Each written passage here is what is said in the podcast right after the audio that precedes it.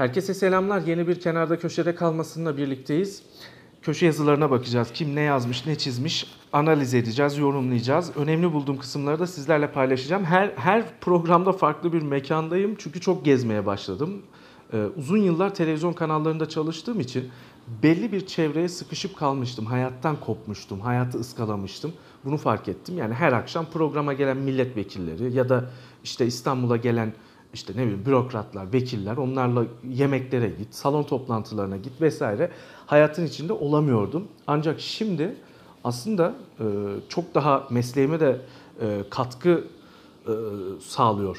Çok gezmem, hayatın içine karışmam. O yüzden farklı farklı yerlerden e, sürekli e, programları çekiyorum. Bu daha keyifliymiş. Şimdi kendi işimi kurdum biliyorsunuz. YouTube'dan yapıyorum. E kendi vaktimi, randevularımı falan kendime göre ayarlıyorum.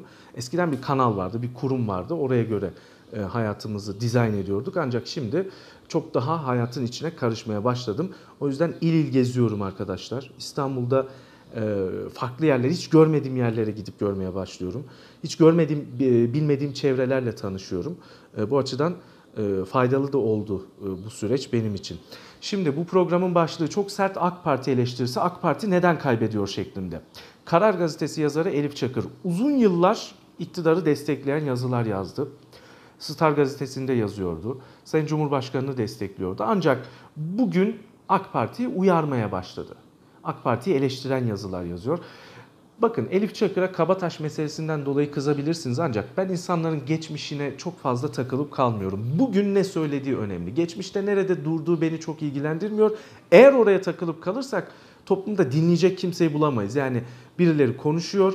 Herkesin bagajında çok büyük yükler var arkadaşlar. Sadece Elif Çakır meselesi değil. Bugün çok yurtsever, vatansever işte bilmem ne diye bildiğiniz insanların neler ne, ne dolaplar çevirdiğini ben biliyorum. Yani o yüzden siyasette, medyada öyle e, geçmişinde e, yük olmayan, bagajında yük olmayan insan bulmak zor. Ben ne yapıyorum? Bugün ne söylediği, bugün nerede durduğu önemli benim için. Buna bakıyorum. Elif Çakır'ın da geçmişte ne yazdı, ne çizdiği çok e, önemli değil. Bugün durduğu yeri ben destekliyorum. AK Parti'yi o camianın içinden e, çıkan birisinin eleştirmesi daha anlamlı. Elif Çakır bugünkü yazısında AK Parti seçmeninin AK Parti'ye küsme sebeplerini açıkladı. Bakın diyor ki AK Parti seçmeni AK Parti'den memnun değil ancak kendisini başka bir partiye de yakın hissetmediği için sandığa gitmedi. Belki bundan sonra da gitmeyecek.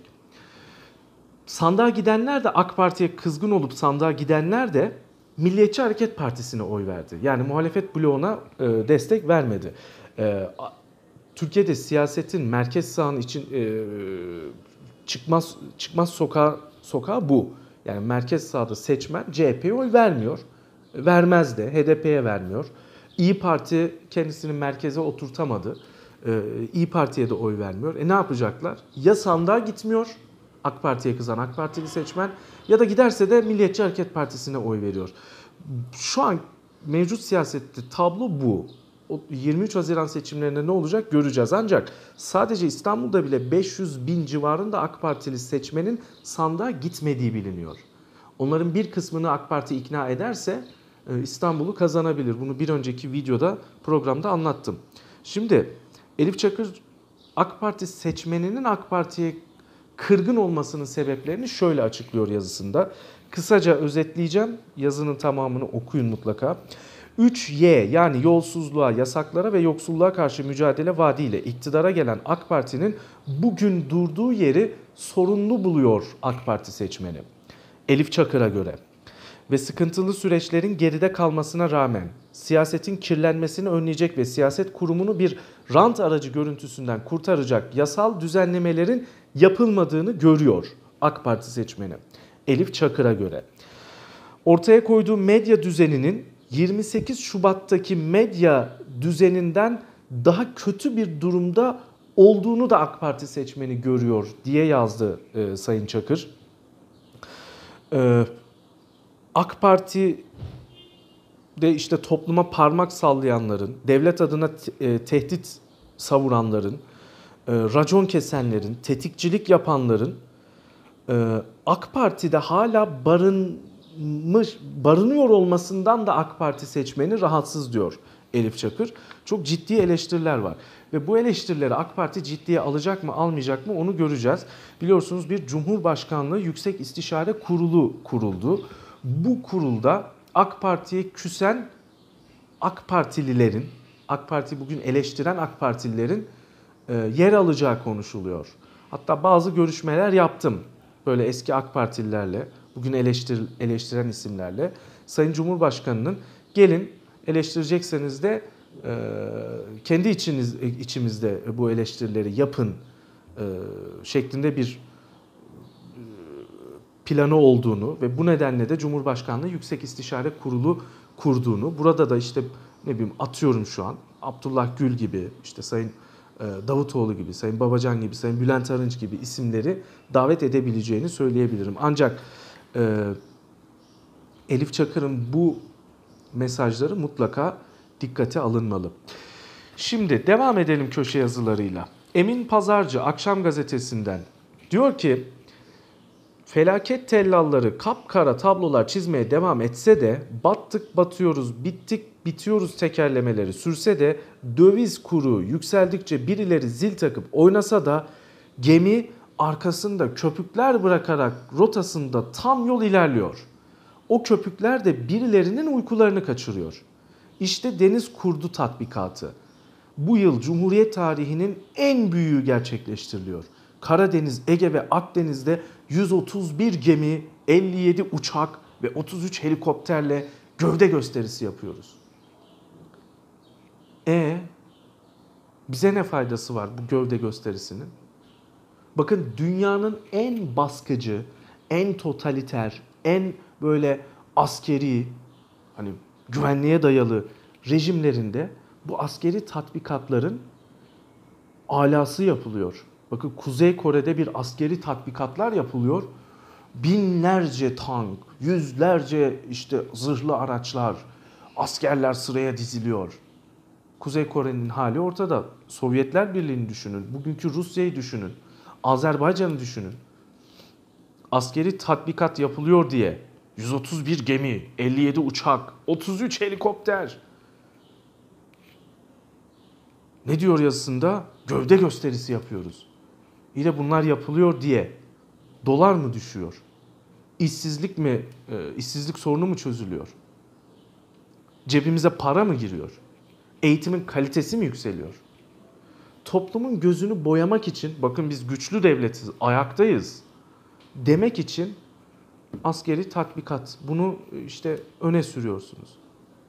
Böyle bir mantıksızlık olabilir mi? Bana ne askeri tatbikattan?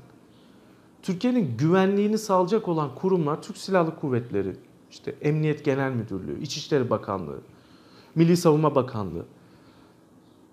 Bunlar çalışır. Milli İstihbarat Teşkilatı güvenlik risklerini, tehditleri ortadan kaldıracak projeler üretir. Uyanık olurlar ne bileyim. Çalışırlar. Yani bu tatbikat vesaire bunların ekonomiyle, hukuk devleti olmakla, eğitim kalitesinin yükselmesiyle, üniversitelerdeki nitelikli eğitimin artmasıyla falan bir ilgisi yok ki. Böyle mi güçlü devlet olunuyor? Kuzey Kore'de bunun bin katı yapılıyor arkadaşlar.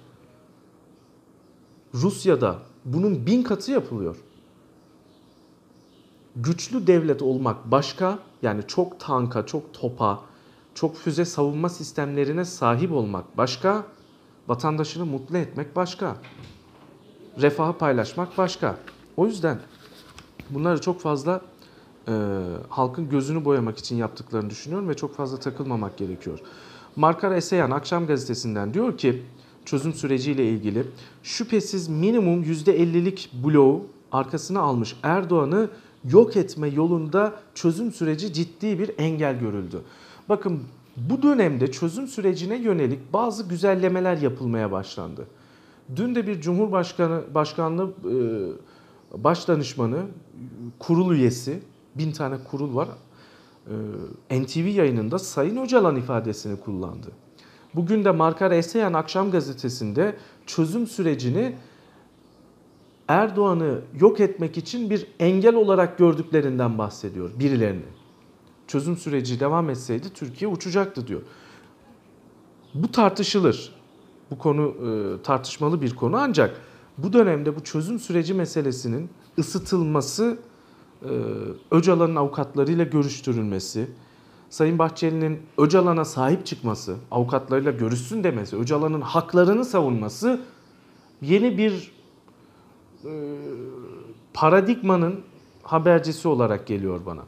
Vedat Bilgin Akşam Gazetesi'nden Türkiye'ye Türkiye'ye yönelik saldırılardan birinin ekonomi üzerinden geldiğini söylemek ekonominin yapısal sorunlarını görmezden gelmek anlamına gelmemektedir diyor. Çok doğru söylüyor. Bakın şunu anlatmaya çalışıyor. Ekonomi üzerinde ciddi saldırılar var. Birileri bizi bizi yok etmeye çalışıyor. Zayıf duruma düşürmeye çalışıyor. Ancak Vedat Bilgin diyor ki akşamda yazmasına rağmen en azından bir şey görüyor. Bu ekonominin yapısal sorunlarının olmadığı anlamına gelmez diyor. Yani tamam dışarıdan oradan buradan bize saldırı var. Birileri bizi çekemiyor ancak bizim de çok ciddi yapısal sorunlarımız var diyor. Ee, en azından bunu görmüş olması bile güzel arkadaşlar. Mehmet Akkaya Aydınlık'tan diyor ki yazısında SGK verilerine göre İstanbul'da işçi sayısı 4,5 milyon, memur sayısı 500 bin, emekli dul ve yetim maaşı alan sayısı 2,5 milyon. Bu durumda İstanbul'daki işçi, memur ve emeklinin toplam sayısı 7,5 milyon. Tamamı seçmen olan bu nüfusun büyük kısmı bir ya da birden fazla kişiyle beraber yaşamakta. Yani İstanbul'daki 10,5 milyon seçmenin tamamına yakını işçi sınıfının mensupları veya aileleri. Şimdi düşünelim. Geçmişteki belediye başkanlarının bir teki bile işçi sınıfından değildi. 31 Mart'taki adayların arasında da bir tek işçi yok ya da işçi sınıfından bir temsilci yok. Bunu eleştiriyor ancak ben şöyle söyleyeyim. İlla da işçilerin sorunlarını çözmek için işçi sınıfından birinin e, belediye başkanı ya da bürokrat, yönetici olması gerekmiyor. Akıllı bir politikacı, akıllı bir siyasetçi işçilerin sorunlarını da çözer. Yeter ki vicdanlı olsun, yeter ki çağı yakalayabilsin, vizyon sahibi olsun. Ee, o yüzden illa illa da yani işçi işçi olması gerekmiyor bir belediye başkanının. Akıl sahibi olsun yeter. Vicdan sahibi olsun yeter. Ben böyle düşünmüyorum yani Mehmet Akkaya gibi. Aydınlık gazetesinden Ufuk Söylemez diyor ki İşsizliği sadece rakamlarla, yüzdelerle ifade edersek insana ve topluma olan sosyal maliyetini iyi kavrayamayız. Evet, çok güzel bir yere temas ediyor. Bak %25 genç işsizlik vesaire diyoruz ya, bunun bir de sosyal maliyeti var. Öyle kolay değil işsiz kalmak.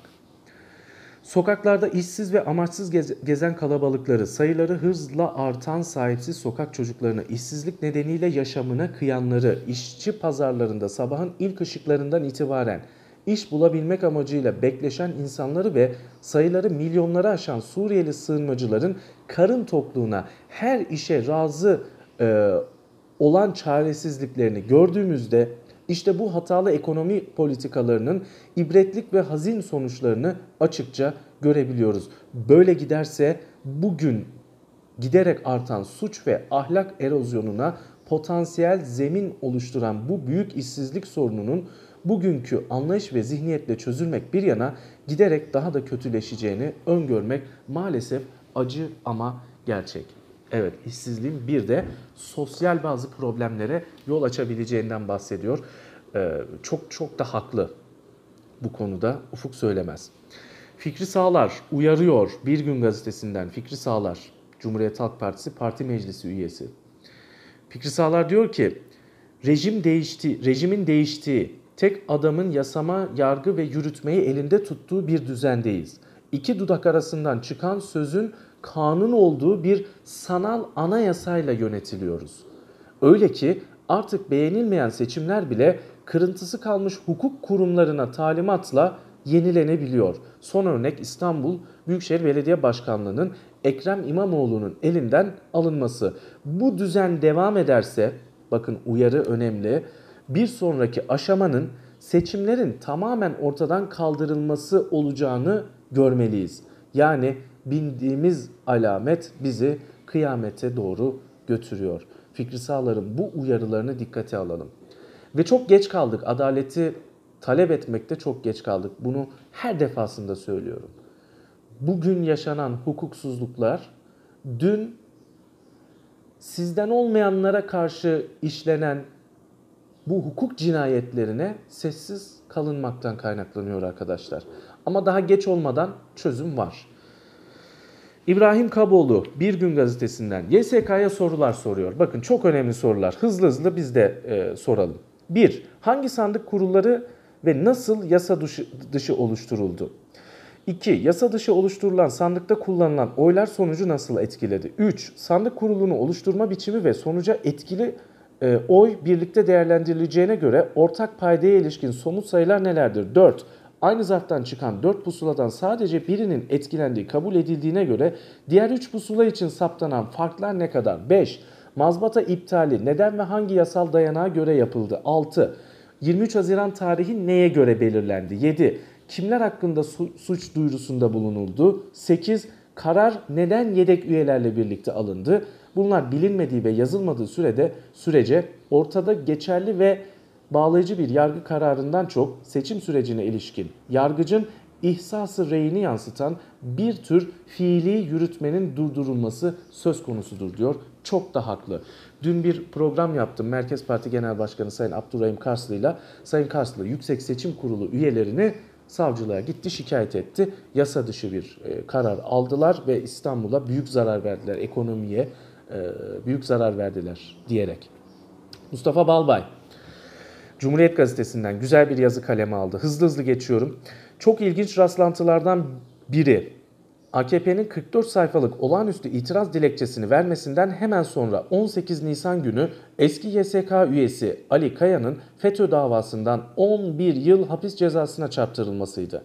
16 Nisan günü akşam AKP başvuruyor, 17 Nisan'da ekler bavulla iletiliyor, 18 Nisan'da YSK üyeleri görüşmeye başlayacak.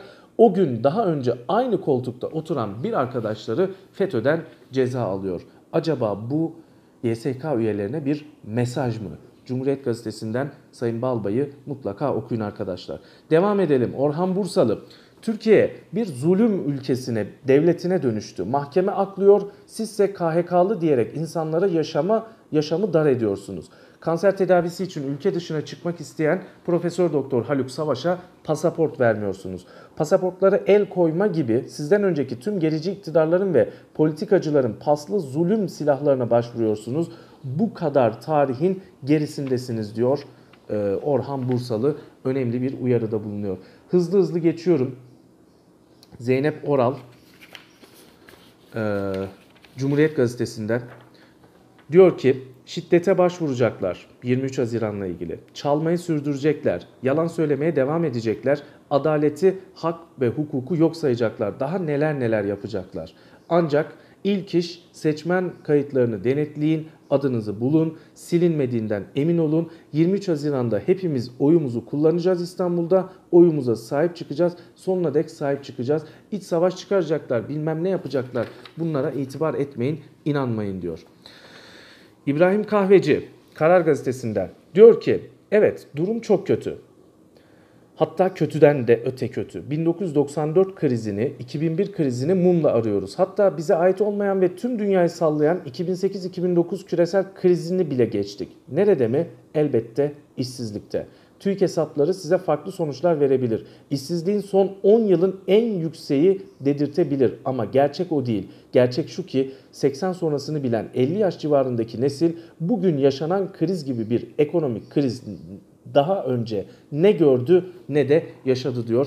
Ee, İbrahim Kahveci'nin yazısında mutlaka okuyun. Faruk Aksoy Yeni Şafak'tan DSP lideri Önder Aksakal'la yaptığı bir görüşmeyi e, anlattı. Bugün kamuoyunda da çok ses getirdi.